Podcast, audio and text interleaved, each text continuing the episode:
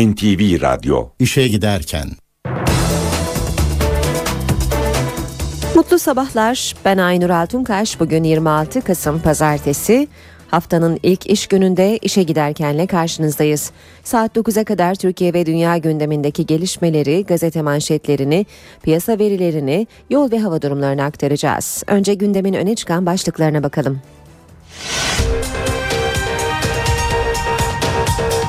Başbakan Erdoğan Patriot füzelerinin savunma amaçlı olduğunu yineledi. İran Patriot konusunda Türkiye'ye tepkisinde ısrarlı. Hamas lideri Halit Meşal Başbakan Erdoğan'a Gazze'deki ateşkes için teşekkür etti. Sınırda Suriye'nin Resulayn ilçesinde çatışmalar sona erdi. CHP lideri Kılıçdaroğlu tutuklu gazeteciler adına kitaplarını imzaladı. Dün kadına şiddete karşı dayanışma gününde birçok kentte eylem vardı.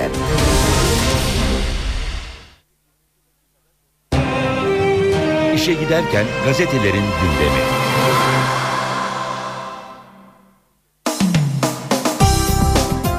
Basın özetlerine Hürriyet gazetesiyle başlıyoruz. Sınırda bir bu eksikti diyor Hürriyet manşette. Karkamış sınır kapısında Suriyeli eşinin pasaportsuz geçişine izin verilmeyen polis memuru yüzünden kurşunlar havada uçuştu.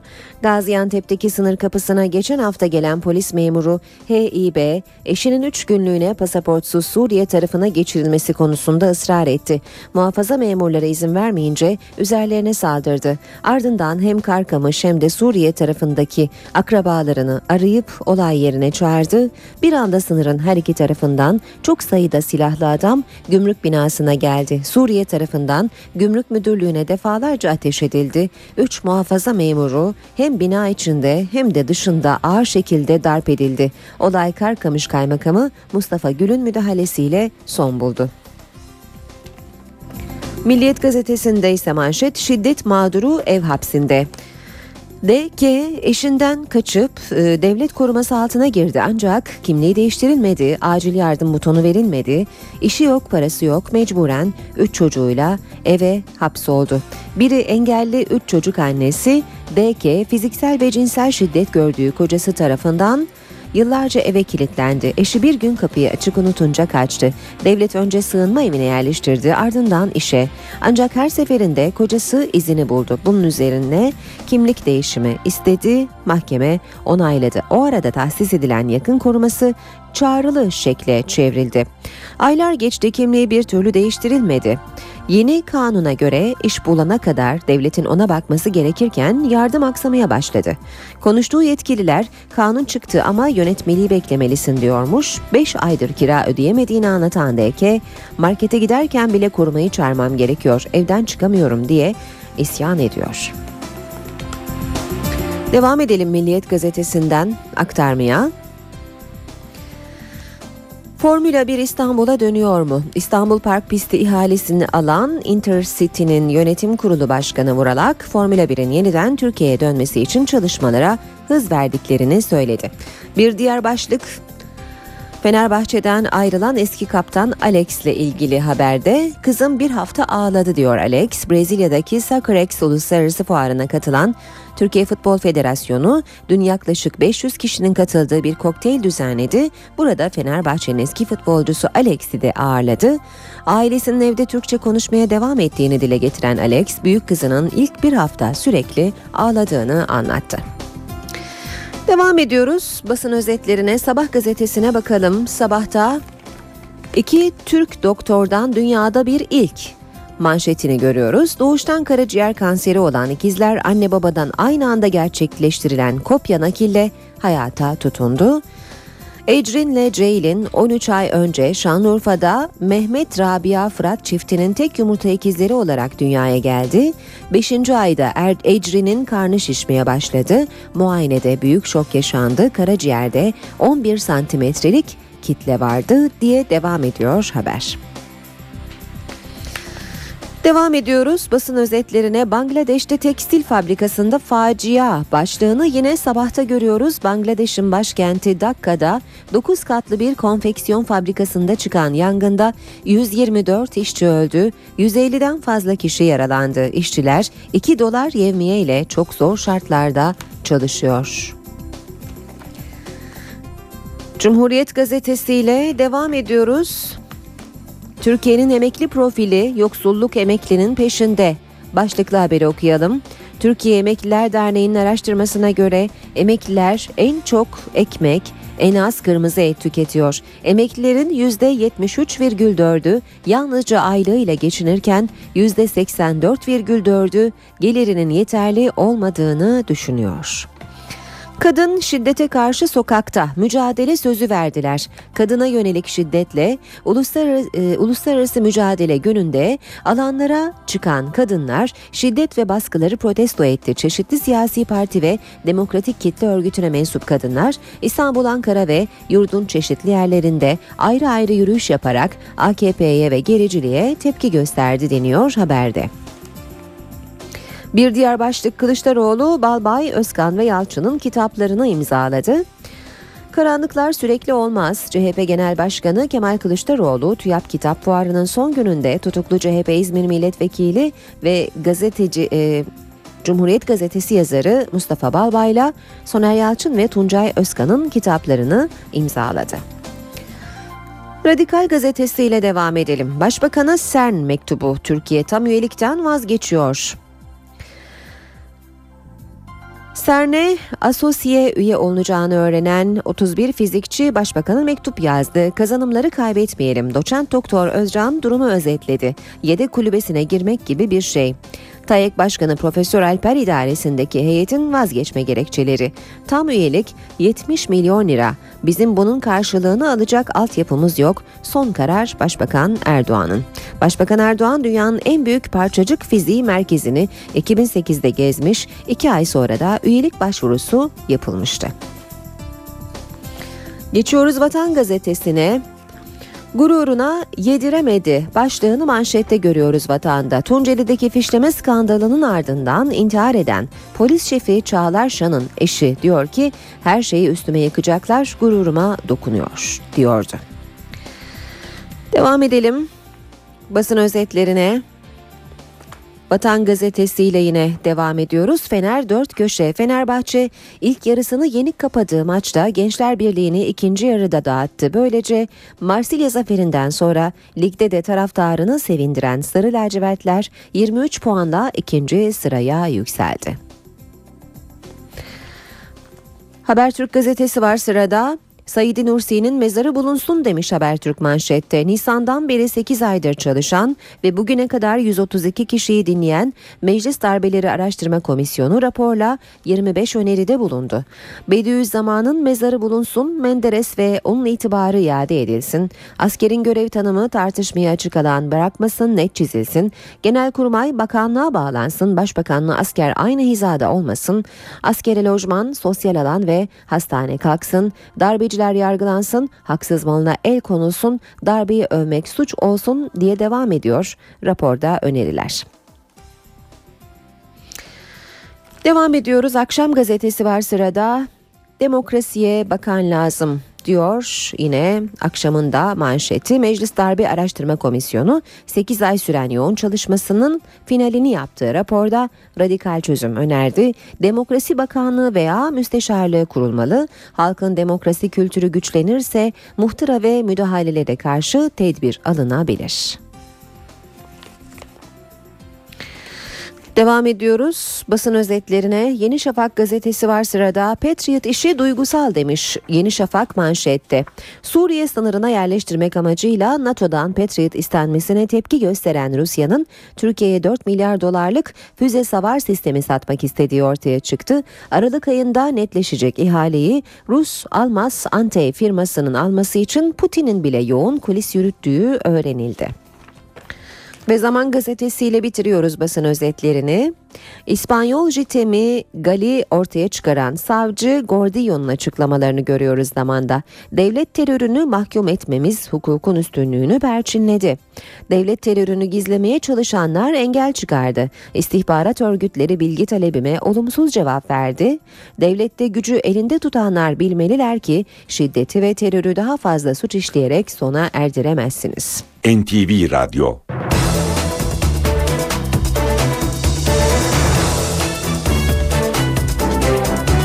Saat 7.17 NTV Radyo'da işe giderken de birlikteyiz.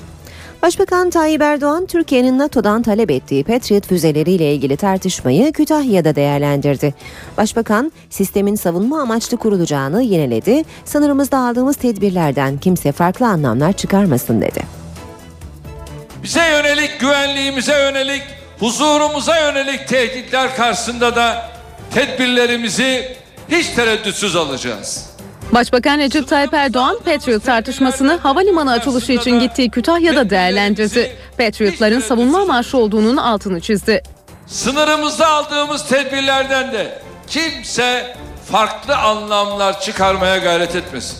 Akçakale'ye, Ceylanpınar'a bu bombaları atanların farklı şeyler yapmayacağı ne malum.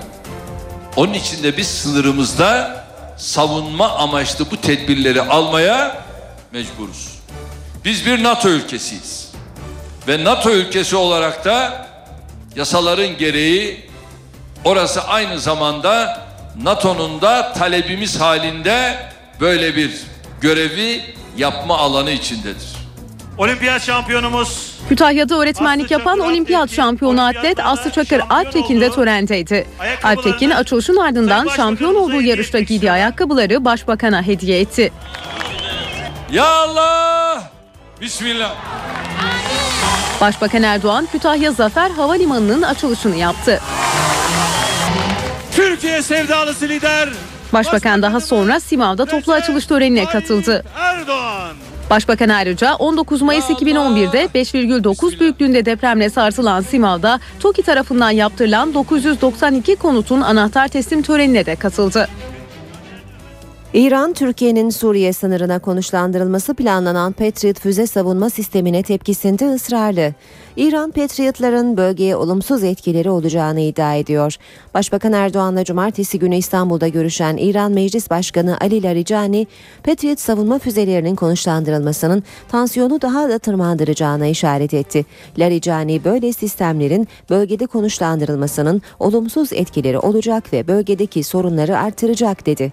İran Dışişleri Bakanlığı sözcüsü de Patriot füzelerinin konuşlandırılmasının Suriye sorununun çözümüne katkı sağlamayacağı gibi durumu çok daha zor ve karmaşık hale getireceğini söyledi.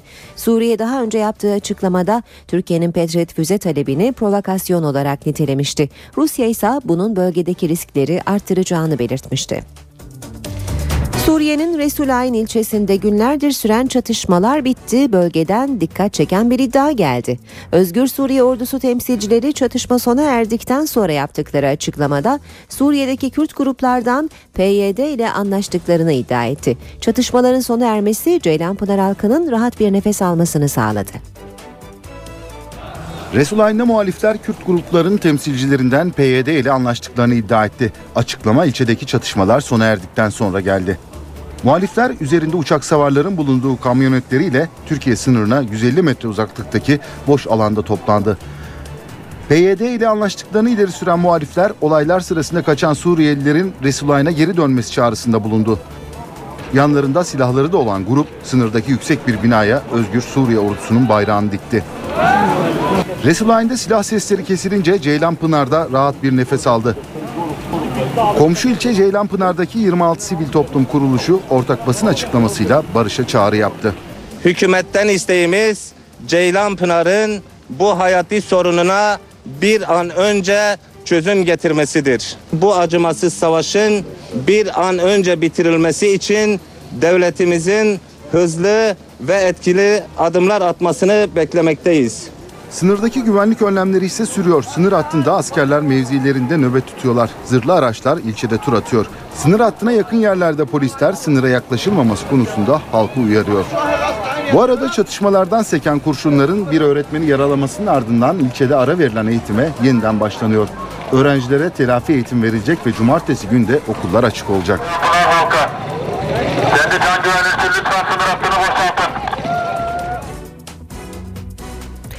Hamas lideri Halit Meşal Başbakan Erdoğan'ı arayarak Gazze'de varılan ateşkese katkılarından dolayı teşekkür etti. Halit Meşal telefon görüşmesinde ateşkesten bu yana yaşanan gelişmeler hakkında da Başbakan'a bilgi verdi. İsrail'in 8 gün süren Gazze saldırısının ardından geçen çarşamba günü İsrail yönetimiyle Hamas arasında ateşkes sağlanmıştı. Bölgeden gelen haberler ateşkesin ardından İsrail'in Gazze şeridinde uyguladığı bazı kısıtlamaları gevşettiği yönünde. Bu doğrultuda İsrail Mısır'a Filistinli balıkçıların Gazze sularında 6,9 kilometreye kadar açılarak avlanabileceklerini iletti. Daha önce Gazze'li balıkçılar en fazla 4,8 kilometre açılabiliyordu. İsrail ayrıca İsrail sınırı yakınında olan tarım alanlarında çalışan Filistinli çiftçileri engellemedi. İsrail 2009'dan beri Filistinlilerin sınırın 300 metre yakınına yaklaşmalarını yasaklamıştı. Irak'ta merkezi hükümetle Kuzey Irak yönetimi arasındaki gerginlik tırmanıyor. Kürt yönetimi hak iddia ettiği bölgelere askeri yığınak yapmaya devam ediyor. Mesut Barzani, Irak güçlerinin Kerkük'e girmeleri halinde peşmergelere saldırı emri verdi. Tansiyonu düşürme çabaları da bir yandan sürüyor. Kürt ve Iraklı askeri yetkililer bugün Bağdat'ta bir araya gelecek. Bağdat'ta bölgesel Kürt yönetimi arasında gerilimin düşürülmesi için çabalar sürüyor. Ancak buna karşın tansiyon düşmüş değil. Bölgesel Kürt yönetimi Irak ordusu birliklerinin bulunduğu anlaşmazlık bölgelerine askeri yığınağını sürdürüyor. Kürt kaynaklara göre Erbil'den peşmergeler, tanklar ve zırhlı araçlar eşliğinde Tusurmatu yakınlarına gönderildi. Bu güçler Kerkük'ün kuzeyine mevzilendi. Kürt kaynaklar Bölgesel Kürt Bölgesi Başkanı Mesut Barzani'nin Dicle Harekat Komutanlığı'na bağlı Irak güçlerinin Kerkük'e girmeleri halinde peşmergelere saldırı emri verdiğini belirtti. Peşmergelerin Irak birlikleri hareket etmedikçe mevzilerinden çıkmayacakları da kaydedildi. Kürtler Irak Başbakanı Nuri El Maliki'nin Dicle Harekat Komutanlığı'yla Kürt bölgesini ayıran sınırın içinde bulunan petrol bölgelerinin kontrolünü ele almak istediğini belirtiyor. Maliki ise amacın Kerkük, Diyala ve Selahattin bölgelerinin güvenliğini sağlamak olduğunu söylüyor. Türkiye'de bulunan Irak Cumhurbaşkanı Yardımcısı Tarık El Haşimi Katar'a geçti. Katar Başbakanı ve Dışişleri Bakanı Hamad bin Kasım El Tani ile bir araya geldi. Katar Haber Ajansı Haşimi'nin Katar'a geldiğini duyurdu ancak görüşmenin ayrıntılarına ilişkin bir açıklama yapılmadı. Irak'ta terörizm suçlamalarıyla geçen yıl Aralık ayında yargılanmasına başlanan Tarık El Haşimi Nisan ayında Türkiye'ye gelmişti. Interpol tarafından hakkında yakalama emri çıkarılan Haşimi Irak'ta gıyabında 3 kez idam cezasına çarptırılmış durumda. İşe giderken Meclis Darbe Komisyonu nihai raporunu bu hafta Meclis Başkanlığına sunacak. Meclisi bunun dışında başka önemli gündem maddeleri de bekliyor. Genel kurulda baş denetçi seçimi yapılacak, sermaye piyasası kanunu tasarısı da ele alınacak. Türkiye Büyük Millet Meclisi iki önemli tasarıyı görüşeceği ve 2013 yılı bütçesi üzerindeki çalışmalarını tamamlayacağı yoğun bir haftaya daha giriyor. Genel kurulda önce baş denetçi seçimi yapılacak. Dilekçe ve İnsan Haklarını İnceleme Karma Komisyonu'nun aday olarak gösterdiği Yavuz Erkmen, Mehmet Nihat Ömeroğlu ve Halime Nuray Turcan'dan biri baş denetçi olarak seçilecek. Sermaye piyasası kanun tasarısı da ele alınacak.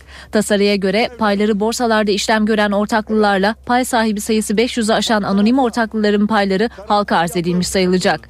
Yatırımcıların yatırım kuruluşlarındaki mal varlığı harz edilemeyecek, iflas masasına dahil edilemeyecek.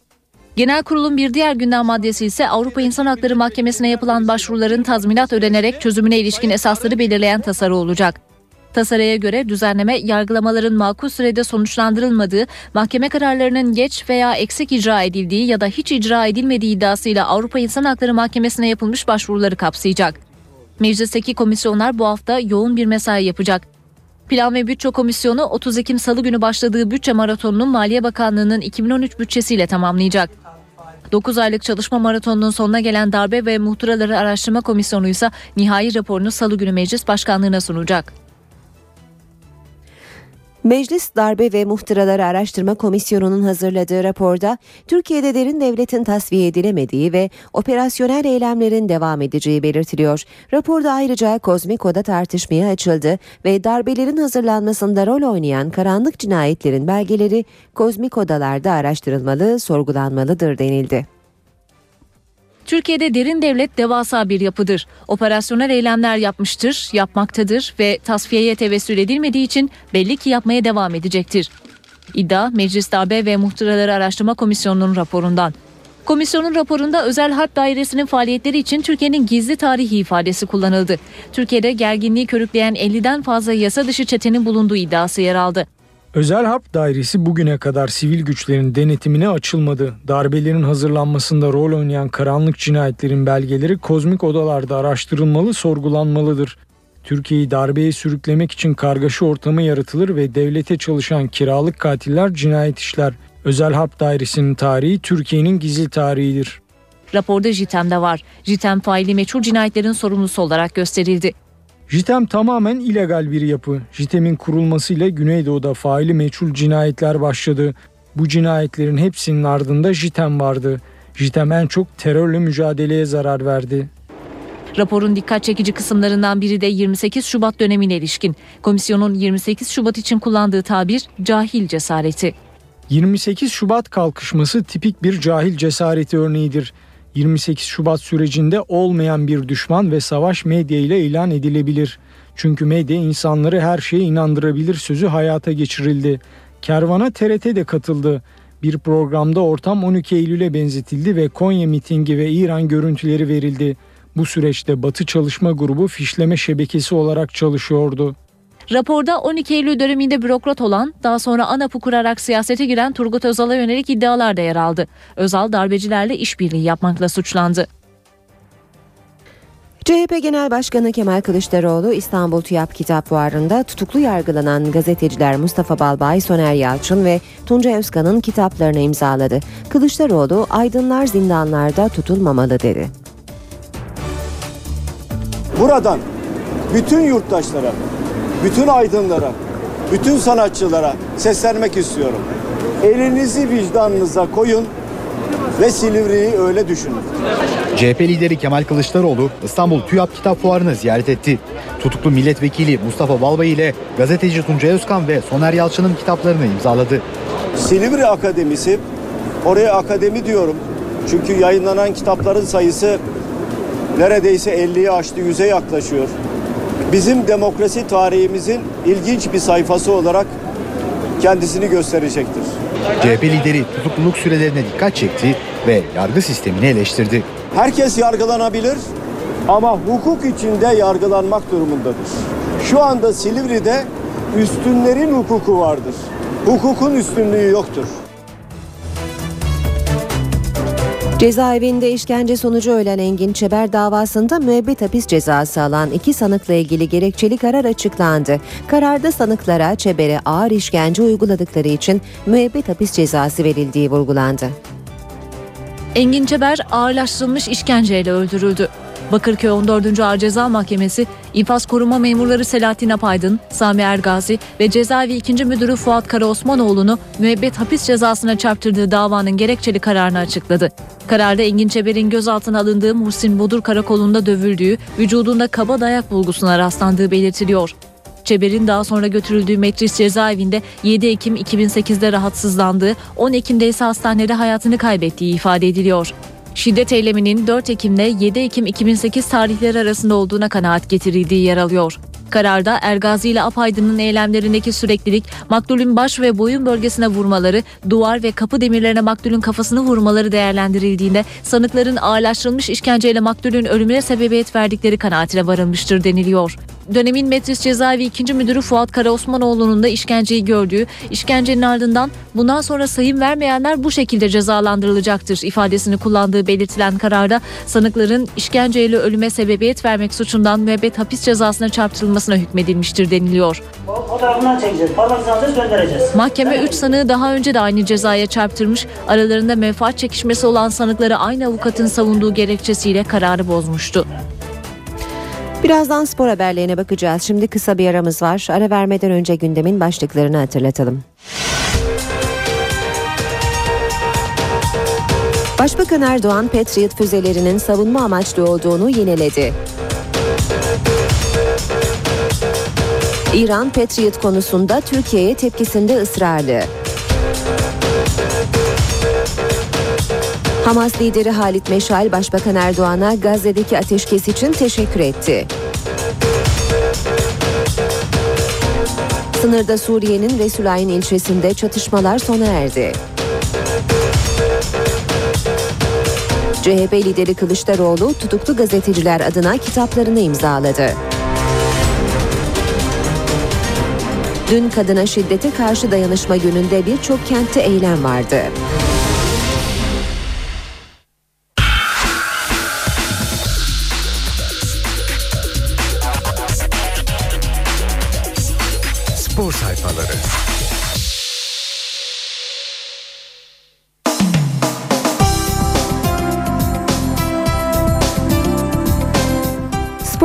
Haberleriyle devam ediyoruz. Saat 7.38 NTV Radyo'da işe giderken de birlikteyiz.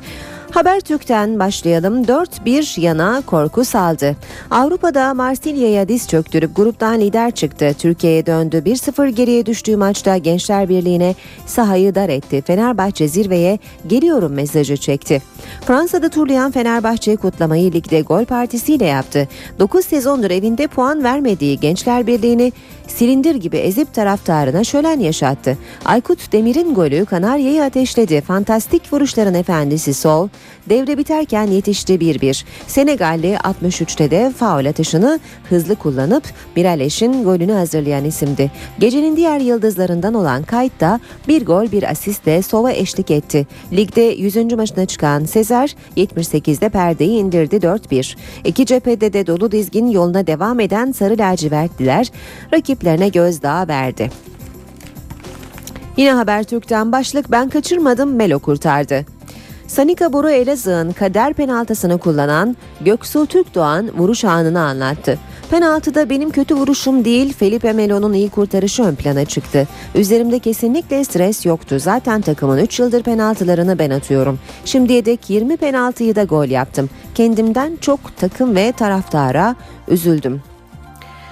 Melo'nun kurtardığı penaltı ile ilgili olarak Milliyet gazetesinden aktaracağımız haberle devam edelim.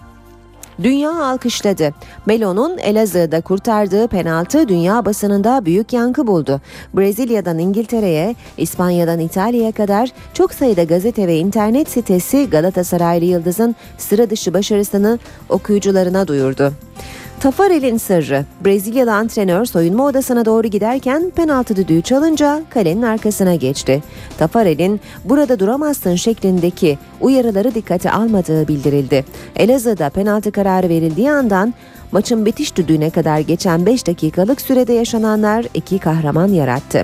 Felipe Melo kurtardığı penaltıyla geceye damgasını vurdu. İkinci kahramansa son dakikaları kalenin arkasında Brezilyalı vatandaşı Felipe Melo'ya taktik vererek geçiren kaleci antrenörü Claudio Tafarel oldu. Devam ediyoruz milliyetten başlıklara yabancı madde. Türkiye Futbol Federasyonu Başkanı Demirören'in yabancı sayısının 3 yıl sonunda 5'e ineceğini açıklaması Beşiktaş Teknik Direktörü Aybaba'yı sevindirdi. Samet Hoca hatta yabancı sayısı 3 olmalı. Bu gençler nerede yetişecek? Sınırsız mukavele Türk futbolunu bitiren bir olaydır dedi. Türkiye e, Spor Toto Süper Lig'de haftanın son maçının bugün oynanacağını aktaralım. Trabzonspor'la Eskişehir Spor arasında oynanacak maç saat 20'de başlayacak. Hüseyin Avni Aker stadında oynanacak karşılaşmayı Tolga Özkalfa yönetecek. Spor haberleri aktarmaya devam ediyoruz. Yine Milliyet'ten okuyalım. Has Bahçe Fenerbahçe kötü başladığı Gençler Birliği sınavını şova çevirdi, kalitesini bir kez daha gösterdi. Sarı lacivertli ekip Aykut'un golüyle geriye düşerken Sov'un beraberlik golü takımı ateşledi. İkinci yarıda büyük baskı kuran ev sahibi Miraleş, Kayt ve Sezer'le farka koşarken ligde ikinci sıraya yerleşti. Bana hiç yakışmadı başlığını görüyoruz. Gökhan Gönül taç çizgisi kenarında iterek yere düşürdüğü Jimmy Durmaz'dan özür diledi. Bunu yapmamam gerekirdi bana hiç yakışmadı dedi.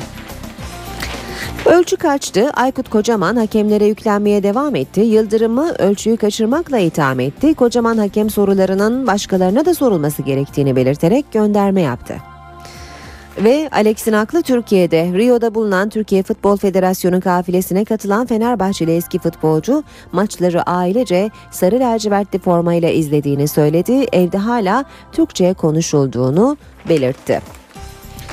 Milliyet gazetesinin spor sayfalarından aktardık. Devam ediyoruz Hürriyet gazetesine bakalım bu kez. Gençler maç böyle kazanılır. Fenerbahçe önünde galibiyeti koruyamayan Gençler Birliği'ne 45 dakikalık ders yetti demiş Hürriyet gazetesi Fenerbahçe Gençler Birliği maçı ile ilgili haberinin başlığında. Allah'a çok şükür kendime güveniyorum. Sol Fenerbahçe'yi yukarılara taşımak için gollerinin süreceğini belirtti. Böylesi bir maçta ancak bizim gibi bir takım galip gelebilirdi dedi. Önce hakeme sonra soruya çıldırdı başlığını görüyoruz yine Hürriyet'te. Fenerbahçe Teknik Direktörü Aykut Kocaman gergin bir akşam geçirdi. Kocaman hakemin düdüklerine sinirlendikten sonra basın toplantısında bir soruya da umarım başka yerlerde de bu sorulara muhatap bulursunuz karşılığını verdi.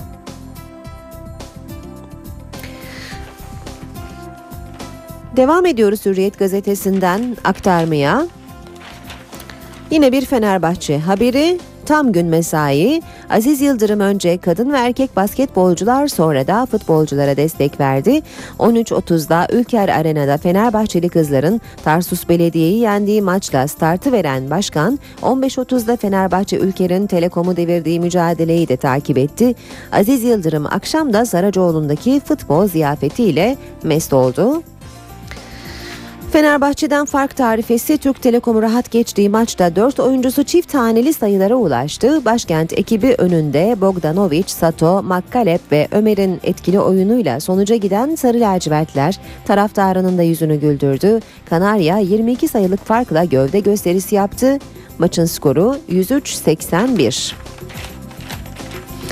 3 puan için cezayı göze aldı. O an hiçbir kuralı tanımadı. Tafarel 15 gün hak mahrumiyeti veya 2 maçtan men cezasıyla karşı karşıya. Kendini ateşe atıp Elazığ deplasmanında Melo'yu kahraman yaptı. Galatasaray kaleci antrenörü yasak olmasına rağmen kale arkasına geçip Felipe Melo'ya taktik verdi. Şimdi merak edilen tek soru temsilcilerin hepsi raporlarında bu olaya yer verecek mi oldu?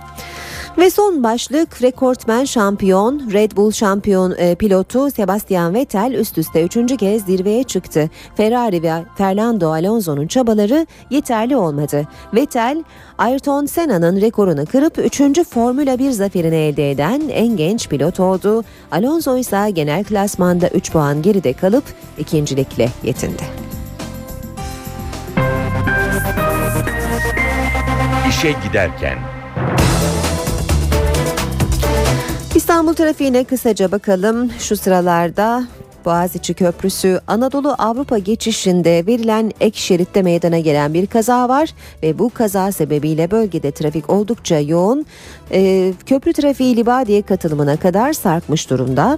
Fatih Sultan Mehmet Köprüsü'nde Anadolu Avrupa geçişi Ataşehir itibarıyla yoğun seyrediyor. Ters yönde de her iki köprüde de trafiğin biraz daha rahat olduğunu görüyoruz. Ee, yalnızca Boğaziçi Köprüsü'nde az önce söylediğimiz gibi ek şeritte e, yapılan e, meydana gelen kaza sebebiyle ters yönde de e, hafif bir yoğunluk olduğunu söyleyelim. Şu sıralarda Topkapı Anıt Mezar'dan e, Ok Meydanı'na kadar yoğun bir trafik olduğunu belirtmek gerekiyor. Tem'de ise Mahmut Bey Batı Kavşağı Hastal Kavşağı arasında trafik oldukça yoğun sonrasında biraz daha yoğun ama akıcı olarak Maslak Kavşağı'na kadar devam ediyor trafik. NTV Radyo'da işe giderken de birlikteyiz. Şimdi gündemin ayrıntılarına bakmaya devam ediyoruz. Dün kadına şiddete karşı dayanışma günüydü. Kadınlar meydanlara indi. İstanbul ve Ankara'da eylemler yapıldı. Diyarbakır'da ise BDP'lilerin yürüyüşü gergin geçti. Ellerinde şiddete kurban verdikleri kızlarının fotoğrafları şiddete hayır demek için yürüdüler. ayrıldığı eşi tarafından intihar süsü verilerek öldürülen kızım Gülay Yaşar'ın resmidir. Kalbimde yaşıyor, her zaman da yaşayacak. Bugünlerde Türkiye'de günde 5 kadının öldürüldüğü bu günlerde Kadına yönelik şiddete karşı Uluslararası Dayanışma ve Mücadele Günü'nde İstanbul Taksim'de eylem vardı. Başta cinayete kurban gitmiş kadınların aileleri olmak üzere kadınlar şiddete karşı yürüdüler. Nasıl söyleyeyim evlatları kaybolduğu gibi arkada kara leke bırakıyorlar bir namus davası diye tutturup biz bunları neden oluyor neden yapılıyor neden öldürenler serbest bırakılıyor diye. Her gün 5 canımızı kaybediyoruz.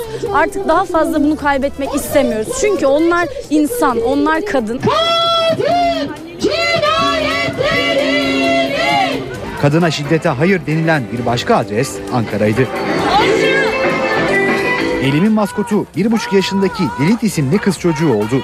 Lilit kadına yönelik şiddete karşı en ön saflarda yer tuttu. yaşasın kadın dayanışması.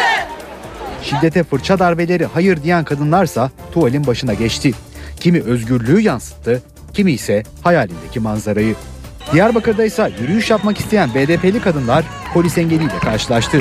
Bu kenti terörize ettiniz ya. Bu kentte hiçbir hak ve özgürlüğü kullandırtmıyorsunuz ya. Bunu nereden alıyorsunuz var ya? zaten PKK diye bir terörist Yok yok var. belli bu, bu kentte kimin Biz değiliz terör onlar, yarattığı biz belli. yanlış biliyorsunuz Bu siz. kent BDP eş genel başkanı Gülten Kışanak polis amiriyle bir süre tartıştı. Yapılan görüşmenin ardından grubun yürüyüşüne izin verildi.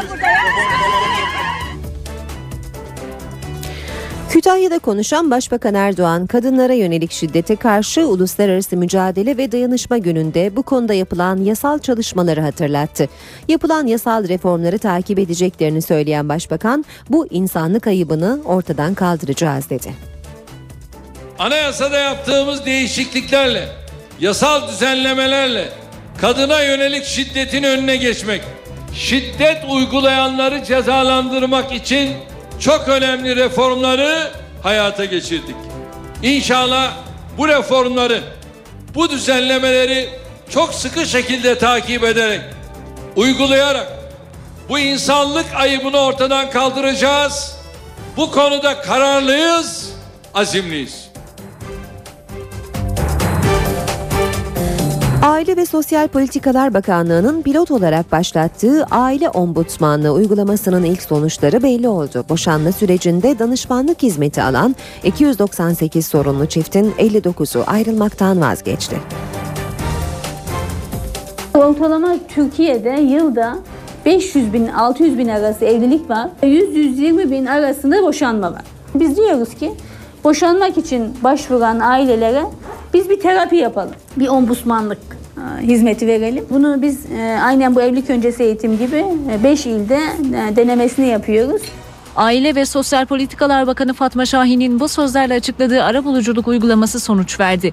Aile Ombudsmanlığı hizmetiyle 298 sorunlu çiftin 59'u boşanmaktan vazgeçti. Bakanlık tarafından uygulamaya ilişkin hazırlanan raporda boşanmaların %40'ının evliliğin ilk 5 yılı içinde gerçekleştiği belirtildi. Yapılan anket sonucunda sorunlu çiftlerin %62'sinin boşanmadan önce kimseden yardım almadığını söylediği vurgulandı. Boşanma süreci öncesinde sağlanacak psikolojik desteğin önemine dikkat çekildi. Aile ve Sosyal Politikalar Bakanlığı'nın projesinde temel hedef evliliğin devamını sağlamak. Ancak çiftler ayrılmaya kararlıysa boşanma sürecinin sağlıklı atlatılmasına da destek olunacak. Sistem aşamalı olarak Türkiye geneline yaygınlaştırılacak. İşe giderken Diyarbakır'ın Lice ilçesinde yapılan operasyonda PKK'nın bölgedeki grup lideri öldürüldü. Operasyonun ayrıntılarını Diyarbakır Valiliği açıkladı. 22 Kasım'da düzenlenen operasyonda bir PKK'lının öldürüldüğü duyuruldu. Ağır yaralanan ve çatışma alanından PKK'lılar tarafından uzaklaştırılan başka bir teröristin de sonradan öldüğü belirtildi. Diyarbakır Valiliği ölen kişinin PKK-KCK'nın Dibek grubu lideri Rojat Kod adlı terörist olduğunu duyurdu. Valilik ölen PKK'lının 2 Kasım'da Narlı askeri üst bölgesine yapılan saldırının planlayıcılarından olduğunu açıkladı. Terör, istihbarat ve kaçakçılık ekipleri İran'dan Türkiye'ye gelen kaçak sigara yüklü iki tıra operasyon düzenledi. 180 bin paket kaçak sigara ele geçirildi. Tır şoförü sigaraları araca PKK'lıların yüklediğini söyledi. Bir istihbarat üzerine ekipler şehir girişinde iki tırı durdurdu. Tırda yapılan aramada on binlerce paket kaçak sigara ele geçirildi. Operasyon sırasında polis kameraları da kayıttaydı. Şu an bizim tır ve iki, öbür iki tır giriyor yani. Gözaltına alınan İran uyruklu tır şoförü Tohiç Alili, Türkiye girişinde tırın bir grup PKK'lı tarafından durdurularak kaçak sigaraların yüklendiğini söyledi. Tüm sınır illerinde PKK'ya geçiş komisyonu adı altında para ödendiğini iddia eden zanlı, kaçak sigaraların sahte belgelerle batı illerine gönderildiğini açıkladı. Olayla ilgili soruşturma devam ediyor. Evinde ölü bulunan Hozat Emniyet Müdürü Çağlar Şan için İstanbul'da cenaze töreni düzenlendi. Şan'ın neden intihar ettiği sorusuna yanıt aranırken Emniyet Müdürü'nün evinde bir intihar notu bulunduğu öğrenildi. Tunceli Hozat'ta evinde ölü bulunan Emniyet Müdürü Çağlar Şan için Ataköy 5. Kısım Camii'nde cenaze töreni düzenlendi. Cenazede eşi Çağlar Şan'ın tabutuna sarılan Emniyet Amiri Aslı Şan'ı İstanbul Emniyet Müdürü Hüseyin Çapkın teselli etmeye çalıştı. Aslı Şan eşinin son dönemde sıkıntılı olduğunu anlattı. Onurumla oynadılar Aslı dedi. Gururumla oynadılar. Dayanamıyorum artık dedi. Çok zoruma gidiyor dedi. Cenaze törenine AK Parti Genel Başkan Yardımcısı Abdülkadir Aksu, İstanbul Emniyet Müdürü Hüseyin Çapkın'la genç polisin yakınları ve meslektaşları katıldı. 35 yaşındaki Çağlar Şan'ın cenazesi Edirne Kapı Şehitliği'nde toprağa verildi. Olayla ilgili soruşturmanın ilk sonuçlarına göre Çağlar Şan'ın intihar ettiği belirtiliyor. Bu arada Çağlar Şan'ın evinde bir notta bulundu. Notta onurlu bir meslek hayatım olduğu ben bunları hak etmedim buna mecburum yazdığı öğrenildi. Nottaki yazının Çağlar Şan'a ait olup olmadığının araştırılacağı kaydedildi. Şan'ın intiharının nedeni henüz belli değil. Çağlar Şan 4 ay önce Hozat'a atandı. Hozat'ta bazı kamu görevlilerin ve siyasetçilerin fişlenmesiyle ilgili soruşturmanın intiharda rolü olabileceği iddia edildi. Ancak fişleme olayının Şan'ın Hozat'a atanmasından çok önce 2007 ve 2008 döneminde olduğu belirtiliyor. NTV Radyo Yeni haftada sıcaklıklar artışa geçiyor. Özellikle çarşamba cuma arasında batıda yine 18-19 derecelere çıkacak. Olumsuzluk yaratacak durumsa sıcaklık artışıyla batıda oluşacak sisle perşembe cuma günleri kuvvetlenecek lodos. Ülkenin en doğusunda görülen yağış dağlara kar olarak düşüyor. Beş büyük kentin hava koşullarına gelince İstanbul perşembeye kadar az bulutlu ancak bu iki gün özellikle boğazda sis oluşacak. Sıcaklık 15 derece. Çarşamba 18'i bulacak. Ankara güneşli 10 derece. İzmir'de bulut yok ama özellikle Körfez'de iki gün pus oluşabilir. Sıcaklık 17 derece. Bursa'da iki gün sis var 15 derece. Adana biraz bulutlu 19 derece. Marmara'da daha ılık ve bulutsuz günler başlıyor ama bu iki gün bölgede yoğun sesi oluşacak. Çarşamba sıcaklıklar 20 dereceye yaklaşabilir. Yağmursa cuma günü geliyor. İç Anadolu'da 5 gün yağış yok. Halen 9 dereceye geçmeyen sıcaklık çarşamba günü Lodos'ta biraz artacak ancak sis de var. Ege'ye daha ılık hava geliyor. Gökyüzü oldukça açık. Rüzgarda hafif ama sis oluşacak. Sisin etkili olduğu yerlerde havanın ısındığı anlaşılmayabilir. Perşembe günü ise kuvvetli lodos ve yağmur gelecek. Akdeniz sahilleri hafta içi açık, bölgenin iç kesimlerinde ise sis var. Antalya 20 derece. Güneydoğu'da kısım kısım hafif yağan yağmur sonraki günlerde yerini güneşli havaya bırakacak. Sıcaklık 13-15 derece. Doğu Anadolu'da Ağrı, Van, Hakkari arasında yükseklere kar yağacak. Erzurum karla karışık yağmurlu 5 derece. Sonraki günlerse ayazın etkisinde geçecek. Karadeniz'in doğusu soğuk 12-13 derece. Samsun'da yağmur hafiflerken Trabzon Artvin arasında ise devam ediyor. Yaylalara kar yağabilecek. İşe giderken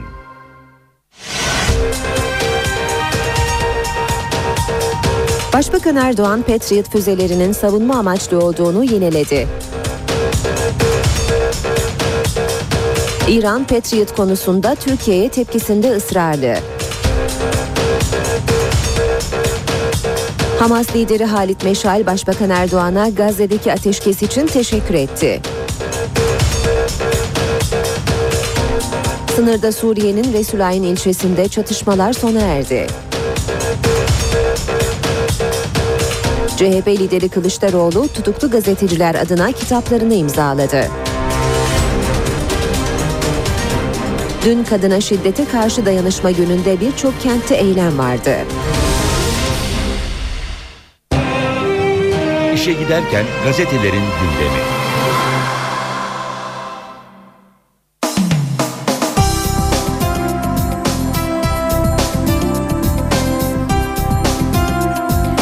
Basın özetleriyle devam ediyoruz. İşe giderken saat 8'i 3 geçiyor. Gündemdeki gelişmelerin gazete sayfalarına nasıl yansıdığına bakacağız. Milliyetle başlıyoruz. Şiddet mağduru ev hapsinde. BK eşinden kaçıp devlet koruması altına girdi ancak kimliği değiştirilmedi. Acil yardım butonu verilmedi. İşi yok, parası yok, mecburen 3 çocuğuyla eve hapsoldu. BK'nin hayatına dair özel bir haberi görüyoruz Milliyet gazetesinin e, manşetinde. Devam ediyoruz. Yine Milliyet'ten aktarmaya. Kerkük'te savaş pozisyonu. Irak Başbakanı Maliki'ye bağlı güçlerin Kerkük'e doğru hareket etmesi üzerine peşmerge tank ve toplarla yolu kapattı. Yüzlerce ağır silah yüklü araç Kürdistan bayraklarıyla savaş pozisyonuna geçerken peşmerge mevziyi kazmaya başladı. Bir diğer başlık Norveç 32 bin işçi alacak. Petrol zengini Norveç ikinci büyük kenti Bergen'de çalışmak üzere yurt dışından 32.678 kalifiye işçi alacak.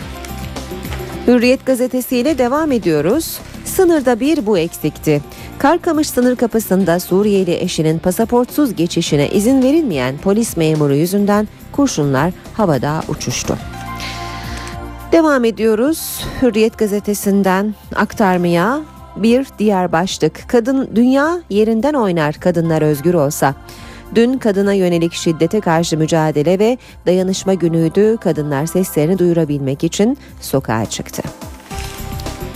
Kadıköy'de gol yağdı. Fenerbahçe ikinci yarı golleriyle Gençler Birliği'ne fark attı. Sabah gazetesiyle devam edelim. Sabah da dört dörtlük Fenerbahçe demiş. Fenerbahçe Gençler Birliği'ni Saracoğlu stadında 4 golle uğurladı. Geriye düşmesine karşın Sov, Miraleş, Kayt ve Sezer Öztürk'ün golleriyle kanatlanan Kanarya ligde averajla ikinci sıraya çıktı. Derini çözen infaz edildi. Darbe komisyonu raporundan son bombalar. Ritemci General Hulusi Sayın ve İsmail Selen derin devletin karanlık yüzüne tanık olunca öldürüldü. Eski Deniz Kuvvetleri Komutanı Emekli Oramiral Kemal Kayacan suikast olmasa derin devleti açıklayacaktı. Özel Harp Dairesi'ne bağlı yüz binlerce sivil görevli var. 70'lerde gömülen silahlar katliamlarda kullanıldı. 90'larda siyasi cinayetlerin işlendiği Adapazarı Bolu Sapanca üçgeninde halkı özel harp eğitmişti. Sabahta manşetse iki Türk doktordan dünyada bir ilk. Doğuştan karaciğer kanseri olan ikizler anne babadan aynı anda gerçekleştirilen kopya nakille hayata tutundu. Tıp literatürüne geçtiler. Profesör Doktor Minci Kalaycıoğlu aynı anda iki organ nakli yaptık. Dünyada benzeri yok dedi. Profesör Doktor Koray Acarlı ise bu kadar miniklere karaciğer nakli olabileceğini cerrahlar bile bilmiyordu. Açıklamasını yaptı. Anne baba ve ikizlerin sağlık durumları çok iyi. Devam ediyoruz basın özetlerine. Sırada Cumhuriyet gazetesi var. Yoksulluk emeklinin peşinde demiş Cumhuriyet. Türkiye'nin emekli profili çıkarılmış. Türkiye Emekliler Derneği'nin araştırmasına göre emekliler en çok ekmek, en az kırmızı et tüketiyor. Emeklilerin %73,4'ü yalnızca aylığıyla geçinirken %84,4'ü gelirinin yeterli olmadığını düşünüyor. Boş zamanlarında en çok televizyon izleyen emekliler için tiyatro ve sinemaya gitmekse hayal. Yine Cumhuriyet'ten başlık Kılıçdaroğlu, Balbay Özkan ve Yalçın'ın kitaplarını imzaladı. Karanlıklar sürekli olmaz. CHP Genel Başkanı Kemal Kılıçdaroğlu, TÜYAP Kitap Fuarı'nın son gününde tutuklu CHP İzmir Milletvekili ve Cumhuriyet Gazetesi yazarı Mustafa Balbay'la Soner Yalçın ve Tuncay Özkan'ın kitaplarını imzaladı. Kitabın dünyayı aydınlatan bir güneş olduğunu ancak günümüzde kitap yazanların hapse atıldığını vurguladı Kılıçdaroğlu. Radikal gazetesi var sırada. Radikal Başbakan'a CERN mektubu demiş manşetinde. Türkiye tam üyelikten vazgeçiyor. CERN'e asosiye üye olunacağını öğrenen 31 fizikçi başbakana mektup yazdı. Kazanımları kaybetmeyelim. Doçent Doktor Özcan durumu özetledi. Yedek kulübesine girmek gibi bir şey. TAEK Başkanı Profesör Alper idaresindeki heyetin vazgeçme gerekçeleri şöyle.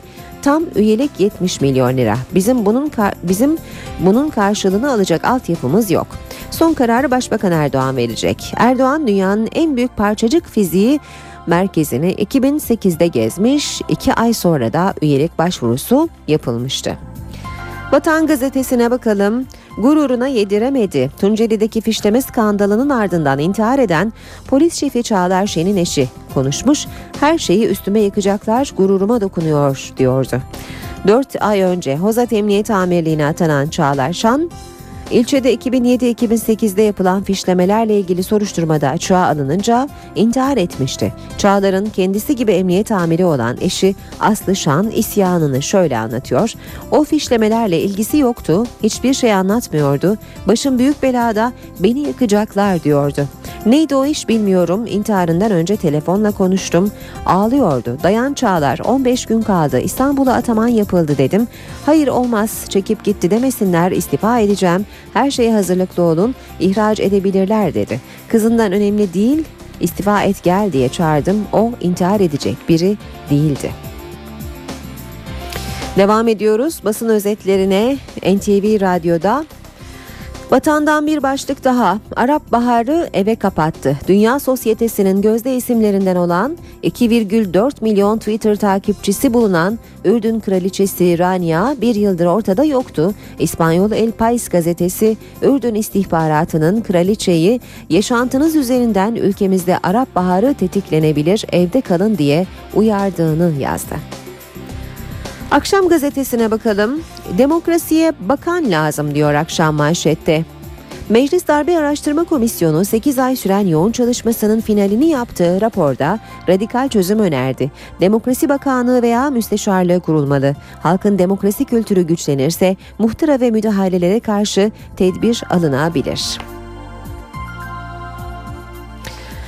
Habertürk'te de Said Nursi'nin mezarı bulunsun başlığını görüyoruz manşette. Nisan'dan beri 8 aydır çalışan ve bugüne kadar 132 kişiyi dinleyen Meclis Darbeleri Araştırma Komisyonu raporla 25 öneride bulundu diyor Habertürk ve bu önerileri şöyle sıralıyor. Bediüzzaman'ın mezarı bulunsun, Menderes ve onun itibarı iade edilsin. Askerin görev tanımı tartışmaya açık alan bırakmasın, net çizilsin. Genelkurmay Bakanlığa bağlansın, Başbakanlığa asker aynı hizada olmasın. Askere lojman, sosyal alan ve hastane kalksın, darbeciler yargılansın, haksız malına el konulsun, ilkokulda önlük mecburiyeti kalksın. Geçelim Yeni Şafak gazetesine Patriot işi duygusal. Diyor manşeti Yeni Şafak'ın Suriye sınırına yerleştirmek amacıyla NATO'dan Patriot istenmesine tepki gösteren Rusya'nın Türkiye'ye 4 milyar dolarlık füze savar sistemi satmak istediği ortaya çıktı. Aralık ayında netleşecek ihaleyi Rus Almas Antey firmasının alması için Putin'in bile yoğun kulis yürüttüğü öğrenildi. Ve zamanla bitiriyoruz. Devlet terörünü mahkum etmemiz hukukun üstünlüğünü perçinledi. Bu sözler İspanya'da ETA örgütüne karşı mücadele amacıyla devlet içinde yasa dışı olarak kurulan anti terörist özgürlük grupları örgütünü ortaya çıkaran savcı Ignacio Gordillo'ya ait. Devlet terörünü gizlemeye çalışanlar engel çıkardı. İstihbarat örgütleri bilgi talebime olumsuz yanıt verdi. Devlette gücü elinde tutanlar bilmeliler ki şiddeti ve terörü daha fazla suç işleyerek sona erdiremezsiniz. İspanyol basınının büyük katkısı oldu. Bizim erişemediğimiz bilgilere onlar ulaştı. Büyük suçlar gün yüzüne çıktı.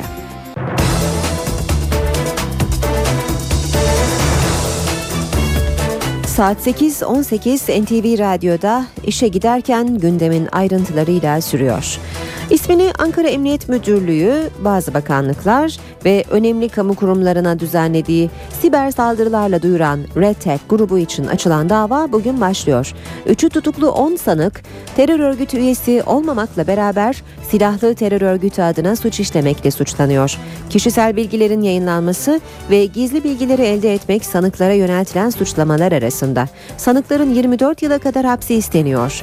Red Tech grubu ise Grupla ilgili haberleri paylaşmak dışında sanıkların hiçbiriyle herhangi bir ilgileri bulunmadığını savunuyor. Retek son olarak Cuma günü Anayasa Mahkemesi'nin internet sitesine siber saldırı düzenlemişti. Başbakan Tayyip Erdoğan, Türkiye'nin NATO'dan talep ettiği Patriot füzeleriyle ilgili tartışmayı Kütahya'da değerlendirdi. Başbakan, sistemin savunma amaçlı kurulacağını yineledi, sınırımızda aldığımız tedbirlerden kimse farklı anlamlar çıkarmasın dedi. Bize yönelik, güvenliğimize yönelik, huzurumuza yönelik tehditler karşısında da tedbirlerimizi hiç tereddütsüz alacağız. Başbakan Recep Tayyip Erdoğan Patriot tartışmasını havalimanı açılışı için gittiği Kütahya'da değerlendirdi. Patriotların savunma amaçlı olduğunun altını çizdi. Sınırımızda aldığımız tedbirlerden de kimse farklı anlamlar çıkarmaya gayret etmesin. Akçakale'ye, Ceylanpınar'a bu bombaları atanların farklı şeyler yapmayacağı ne malum. Onun için de biz sınırımızda savunma amaçlı bu tedbirleri almaya mecburuz. Biz bir NATO ülkesiyiz. Ve NATO ülkesi olarak da yasaların gereği orası aynı zamanda NATO'nun da talebimiz halinde böyle bir görevi yapma alanı içindedir. Olimpiyat şampiyonumuz Kütahya'da öğretmenlik yapan olimpiyat şampiyonu atlet Aslı Çakır Alptekin de törendeydi. Alptekin açılışın ardından şampiyon olduğu yarışta giydiği ayakkabıları başbakana hediye etti. Ya Allah! Bismillah. Başbakan Erdoğan Kütahya Zafer Havalimanı'nın açılışını yaptı. Türkiye sevdalısı lider Başbakan daha sonra Simav'da toplu açılış törenine katıldı. Erdoğan. Başbakan ayrıca 19 Mayıs 2011'de 5,9 büyüklüğünde depremle sarsılan Simav'da TOKİ tarafından yaptırılan 992 konutun anahtar teslim törenine de katıldı. İşe giderken Irak'ta merkezi hükümetle Kuzey Irak yönetimi arasındaki gerginlik tırmanıyor. Kürt yönetimi hak iddia ettiği bölgelere askeri yığınak yapmaya devam ediyor. Mesut Barzani Irak güçlerinin Kerkük'e girmeleri halinde peşmergelere saldırı emri verdi. Tansiyonu düşürme çabaları da bir yandan sürüyor. Kürt ve Iraklı askeri yetkililer bugün Bağdat'ta bir araya gelecek. Bağdat'ta bölgesel Kürt yönetimi arasında gerilimin düşürülmesi için çabalar sürüyor. Ancak buna karşın tansiyon düşmüş değil. Bölgesel Kürt yönetimi Irak ordusu birliklerinin bulunduğu anlaşmazlık bölgelerine askeri yığınağını sürdürüyor. Kürt kaynaklara göre Erbil'den peşmergeler, tanklar ve zırhlı araçlar eşliğinde Tusurmatu yakınlarına gönderildi. Bu güçler Kerkük'ün kuzeyine mevzilendi. Kürt kaynaklar Bölgesel Kürt Bölgesi Başkanı Mesut Barzani'nin Dicle Harekat Komutanlığı'na bağlı Irak güçlerinin Kerkük'e girmeleri halinde peşmergelere saldırı emri verdiğini belirtti. Peşmergelerin Irak birlikleri hareket etmedikçe mevzilerinden çıkmayacakları da kaydedildi. Kürtler Irak Başbakanı Nuri El Maliki'nin Dicle Harekat Komutanlığı'yla Kürt bölgesini ayıran sınırın içinde bulunan petrol bölgelerinin kontrolünü ele almak istediğini belirtiyor. Maliki ise amacın Kerkük, Diyala ve Selahattin bölgelerinin güvenliğini sağlamak olduğunu söylüyor. Nisan ayından beri Türkiye'de bulunan Irak Cumhurbaşkanı Yardımcısı Tarık El Haşimi Katar'a geçti. Haşimi Katar Başbakanı ve Dışişleri Bakanı Hamad Bil Casım El Tani ile bir araya geldi. Katar Haber Ajansı Haşimi'nin Katar'a geldiğini duyurdu. Haberde Haşimi'nin Casım El Tani ile bir araya geldiği belirtildi ancak görüşmenin ayrıntılarına ilişkin bir açıklama yapılmadı. Irak'ta terörizm suçlamalarıyla geçen yıl Aralık ayında yargılanmasına başlanan Tarık El Haşimi Nisan ayında Türkiye'ye gelmişti. Interpol tarafından hakkında yakalama emri çıkarılan Haşimi, Irak'ta gıyabında 3 kez idam cezasına çarptırılmış durumda. Suriye'nin Resulayn ilçesinde günlerdir süren çatışmalar bitti. Bölgeden dikkat çeken bir iddia geldi. Özgür Suriye ordusu temsilcileri çatışma sona erdikten sonra yaptıkları açıklamada Suriye'deki Kürt gruplardan PYD ile anlaştıklarını iddia etti. Çatışmaların sona ermesi Ceylanpınar halkının rahat bir nefes almasını sağladı. Resulayn'da muhalifler Kürt gruplarının temsilcilerinden PYD ile anlaştıklarını iddia etti. Açıklama ilçedeki çatışmalar sona erdikten sonra geldi. Muhalifler üzerinde uçak savarların bulunduğu kamyonetleriyle Türkiye sınırına 150 metre uzaklıktaki boş alanda toplandı. PYD ile anlaştıklarını ileri süren muhalifler olaylar sırasında kaçan Suriyelilerin Resulayn'a geri dönmesi çağrısında bulundu. Yanlarında silahları da olan grup sınırdaki yüksek bir binaya Özgür Suriye ordusunun bayrağını dikti. Resulayn'da silah sesleri kesilince Ceylanpınar'da rahat bir nefes aldı. Komşu ilçe Ceylanpınar'daki 26 sivil toplum kuruluşu ortak basın açıklamasıyla barışa çağrı yaptı. Hükümetten isteğimiz Ceylanpınar'ın bu hayati sorununa bir an önce çözüm getirmesidir. Bu acımasız savaşın bir an önce bitirilmesi için devletimizin hızlı ve etkili adımlar atmasını beklemekteyiz. Sınırdaki güvenlik önlemleri ise sürüyor. Sınır hattında askerler mevzilerinde nöbet tutuyorlar. Zırhlı araçlar ilçede tur atıyor. Sınır hattına yakın yerlerde polisler sınıra yaklaşılmaması konusunda halkı uyarıyor. Bu arada çatışmalardan seken kurşunların bir öğretmeni yaralamasının ardından ilçede ara verilen eğitime yeniden başlanıyor. Öğrencilere telafi eğitim verilecek ve cumartesi günde okullar açık olacak. Kendi can güvenliği lütfen sınır hattını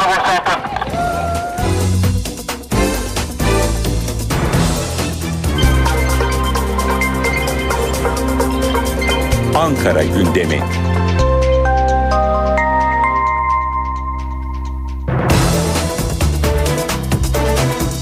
Başkent gündemiyle devam ediyoruz. Ayrıntılar NTV muhabiri Gökhan Gerçek'te.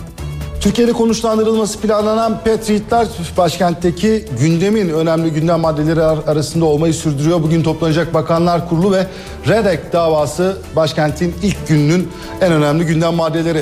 Evet Patriotlarla başlayalım. Bugün oldukça önemli bir heyet gelecek. NATO'dan bir heyet Patri- Patriotlar için görüşmeler yapmak üzere başkente geliyor. Önce Rusya ardından e, ardından İran tepkisini ortaya koymuştu Patriotlar konusunda ama Türkiye atılması gereken adımları bu konuda atıyor ve bugün e, konuya son şeklini vermek üzere NATO'dan bir heyet Ankara'ya gelecek.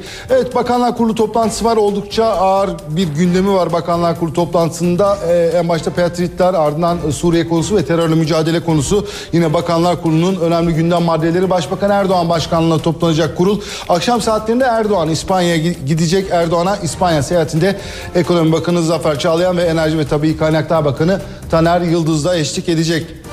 Anayasa Komisyonu AK Parti, MHP ve BDP anayasanın yürütme maddesine ilişkin son önerilerini bugün komisyona sunacaklar. Geçtiğimiz hafta CHP e, sunmuştu önerisini. Bugün de MHP'nin e, e, önerisini sunması bekleniyor. MHP önerisinde parlamenter sistemi savunacak. Cumhurbaşkanı Abdullah Gül bugün Muharrem ayı nedeniyle iftar verecek. Cumhurbaşkanlığı alınan bilgiye göre Çankaya Köşkü'nde iftara e, Diyanet İşleri Başkanı e, Mehmet Görmez ve Alevi Caferi kesiminden temsilciler katılacak. Muharrem orucunun özellikleri göz önünde bulundurarak hazırlanan menüde tatlı olarak aşure ikram edilecek. İlk kez düzenlenecek bir organizasyona imza atacak Sağlık Bakanlığı Dünya Sağlık Örgütü'nün bir projesi e, hayata geçiriliyor. E, Sağlık Bakanlığı ve tıbbi bilgilerini birlikler e, uluslararası ilişkilerde yönet, e, yönetilecek sağlık diplomatları yer- yetiştirilecek. E, CHP lideri Kemal Kılıçdaroğlu saat 18'de atanamayan öğretmenlerin durumu ve sorunlarının tartışılacağı bir panele katılacak. Burada bir açılış konuşması yapacak. E, evet bugün Redek, Redek davası başlayacak saat 9.45'te Ankara 13. Ağır Ceza Mahkemesi'nde başlayacak. Dava e, önce Ankara Emniyet Müdürlüğü ardından çok sayıda devlet kurumu e, onun ardından da son olarak e, bu açılan dava sebebiyle Anayasa Mahkemesi'nin internet sitesine siber saldırılar düzenlemiştir REDEP grubu. REDEP grubuna üye olmakla suçlanan 3'ü tutuklu 10 kişi Ağır Ceza Mahkemesi'nde hakim karşısına çıkacaklar ve ilk savunmalarını yapacaklar. Söylediğimiz gibi bu dava saat 9.45'te 13. Ağır Ceza Mahkemesi'nde.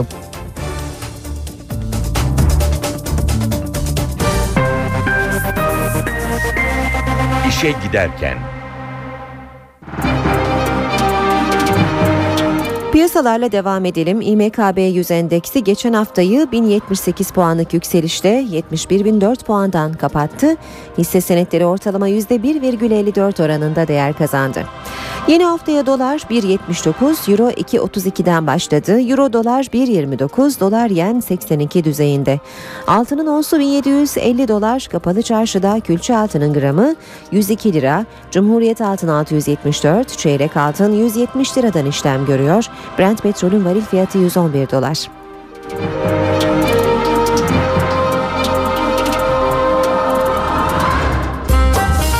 İşe giderken İstanbul trafiği ne durumda sorunun yanıtına bakalım. Şu sıralarda Tem'de Orhanlı Aydınlı Dericiler istikametinde yoğun bir trafik olduğunu öncelikle belirtelim.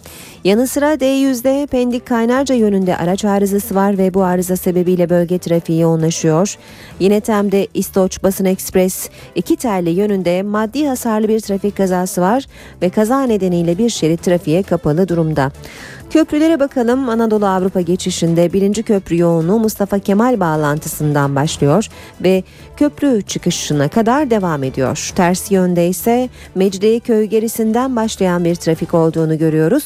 Köprü çıkışından sonra yerini rahat bir trafiğe bırakıyor. Bu arada birinci köprü trafiği E5 karayoluna da sarkmış durumda. Uzunçayır kavşağından başlayan bir trafik olduğunu söyleyelim. Daha geride Göztepe kavşağında da trafik oldukça yoğun seyrediyor.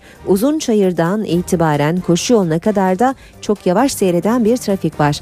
Fatih Sultan Mehmet Köprüsü Anadolu Avrupa geçişinde yoğunluk Kozyatağı bağlantısından itibaren başlıyor. Çavuşbaşı'na kadar trafik çok yoğun olarak devam ediyor. Sonrasında nispeten açılsa da Kavacık'ta yeniden yoğunlaşıyor. Tem otoyolunda Mahmut Bey Batı kavşağından itibaren yoğunluk olduğunu söyleyebiliriz. Tekstil kente kadar devam ediyor yoğunluk. Devamında Metris'ten Maslak kavşağına kadar da yine çok yavaş ilerleyen bir trafik olduğunu söyleyelim. D100 karayolunda ise Çoban Çeşme'den başlayan ve e, otakçılara kadar devam eden çok yoğun bir trafik olduğunu belirtmeden geçmeyelim. NTV Radyo'da işe giderken devam ediyor saat 8.30 ben Aynur Altunkaş. Az sonra kısa bir aramız olacak. Ara vermeden önce gündemin başlıklarını hatırlatalım.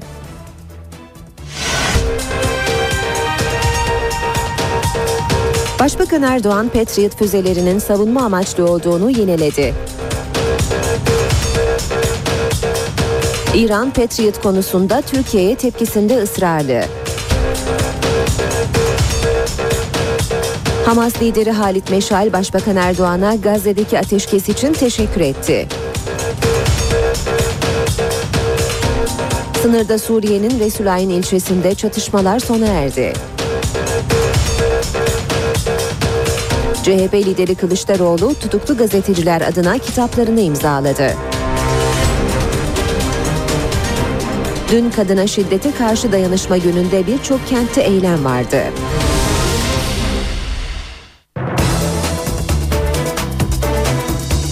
NTV Radyo'da işe giderken de birlikteyiz 8.39 saat. Mısır'da hem Cumhurbaşkanı Muhammed Mursi karşıtları hem de yandaşları sokaktaydı. Muhammed Mursi'nin yetkilerini genişleten kararnameyi geri çekmesini isteyen muhalifler polisle çatıştı. Tepkilerin artması üzerine Cumhurbaşkanı'ndan da diyalog çağrısı geldi. Cumhurbaşkanı Mursi'nin bugün yüksek yargı üyeleriyle görüşmesi bekleniyor. Mısır'da tansiyon düşmüyor. Cumhurbaşkanı Muhammed Mursi'nin yetkilerini genişleten kararnameye halkın bir bölümünden tepki, bir bölümünden destek var. Başkent Kahire'de kararnameyi protesto etmek için sokağa dökülen muhalifler polisle karşı karşıya geldi. Polis kendilerine taşla saldıran göstericilere göz yaşartıcı gazla karşılık verdi. Muhalifler ülkenin kuzeyindeki Damanhur kentinde de Müslüman kardeşlerin merkezine saldırdı. Olay sırasında Müslüman kardeşler üyesi olduğu belirtilen bir genç hayatını kaybetti. Muhaliflerin yanı sıra Mursi yandaşları da sokaktaydı. Cumhurbaşkanı Mursi'nin aldığı kararlara destek vermek için buradayız. Bu kararları çok önce Cumhurbaşkanı olduğu zaman alması gerekiyordu. Kararlarının yargıdan muaf olması yönünde çıkardığı kararnamenin neden olduğu gerginlik Cumhurbaşkanı Muhammed Mursi'yi de harekete geçirdi. Yetkilerinin geçici olarak genişletileceğini savunan Mursi, ortak bir zemin bulunması için diyalog çağrısı yaptı. Cumhurbaşkanı Mursi'nin bugün ülkenin en yüksek yargı organı olan Yüksek Yargı Konseyi üyeleriyle görüşmesi bekleniyor. Muhalefet, yargı ve sivil toplum örgütleri Cumhurbaşkanı'nın yetkilerini artıran kararnameyi geri çekmesini istiyor. Muhalifler Mursi'yi yeni firavun olarak tanımlarken yargı çalışanları ise tepki olarak greve gitme hazırlığında. İspanya'nın kuzeydoğu bölgesi Katalonya'da halk bölgesel seçimler için sandık başına gitti. İlk seçim sonuçlarına göre yeni parlamentoda ayrılıkçı partiler çoğunluğu sağladı. Ancak iktidardaki yönelim ve Birlik Partisi'nin sandalye sayısında keskin bir düşüş var. Buna rağmen partinin lideri ve Katalonya Özerk Yönetimi Başbakanı Artur Mas, bağımsızlık yolunda ilerlemekte kararlı.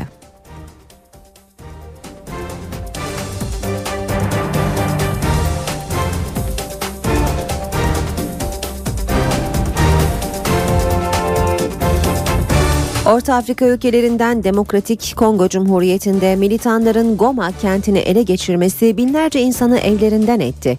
Ortaya da insanlık dramı çıktı. Binlerce kişinin acil yardıma ihtiyacı var.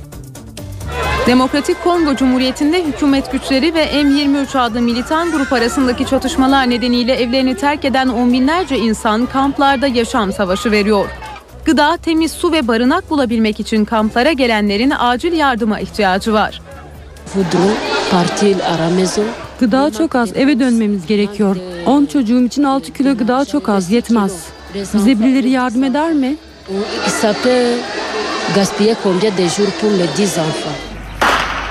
M23'ün ülkenin doğusundaki Goma kentini ele geçirmesinin ardından yardım kuruluşu Oxfam durumu büyük ölçekli insani felaket olarak niteledi. Kuruluş uluslararası topluma harekete geçme çağrısı yaptı. The problem is that uh, these these uh, internally displaced people Problem şu ki evlerini terk eden bu insanlar uzak yerlerden buraya çocuklarıyla geliyor ve hiç gıda, su yok. belongings and they didn't have any any food and any water. Birleşmiş Milletler ülkedeki ölümler, yağma, gasp ve insan kaçırma olaylarına dikkat çekiyor.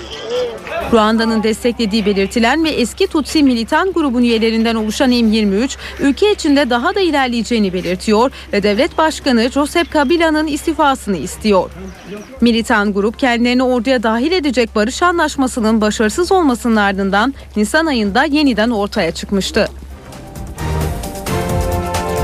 İşe giderkenin sonunda gündeme kısaca bakalım. Bugün bir süredir Türkiye gündemini meşgul eden, Türkiye'nin NATO'dan talep ettiği Patriot füzelerle ilgili gelişmeler gündemdeki yerini koruyor. Konuyu değerlendiren Başbakan Erdoğan, sistemin savunma amaçlı kurulacağını yineledi. Sınırımızda aldığımız tedbirlerden kimse farklı anlamlar çıkarmasın dedi. İran tarafındansa Türkiye'ye tepki var. İran Patriot füzelerinin bölgeye olumsuz etki edeceğini düşünüyor. Ayrıca Gazze'de sağlanan ateşkesin ardından Hamas lideri Meşal'den Başbakan Erdoğan'a barış sürecine katkılarından dolayı teşekkür geldi. Meşal Erdoğan'ı telefonla aradı ve teşekkür etti. Bir diğer gelişme ise Suriye sınırında yaşandı.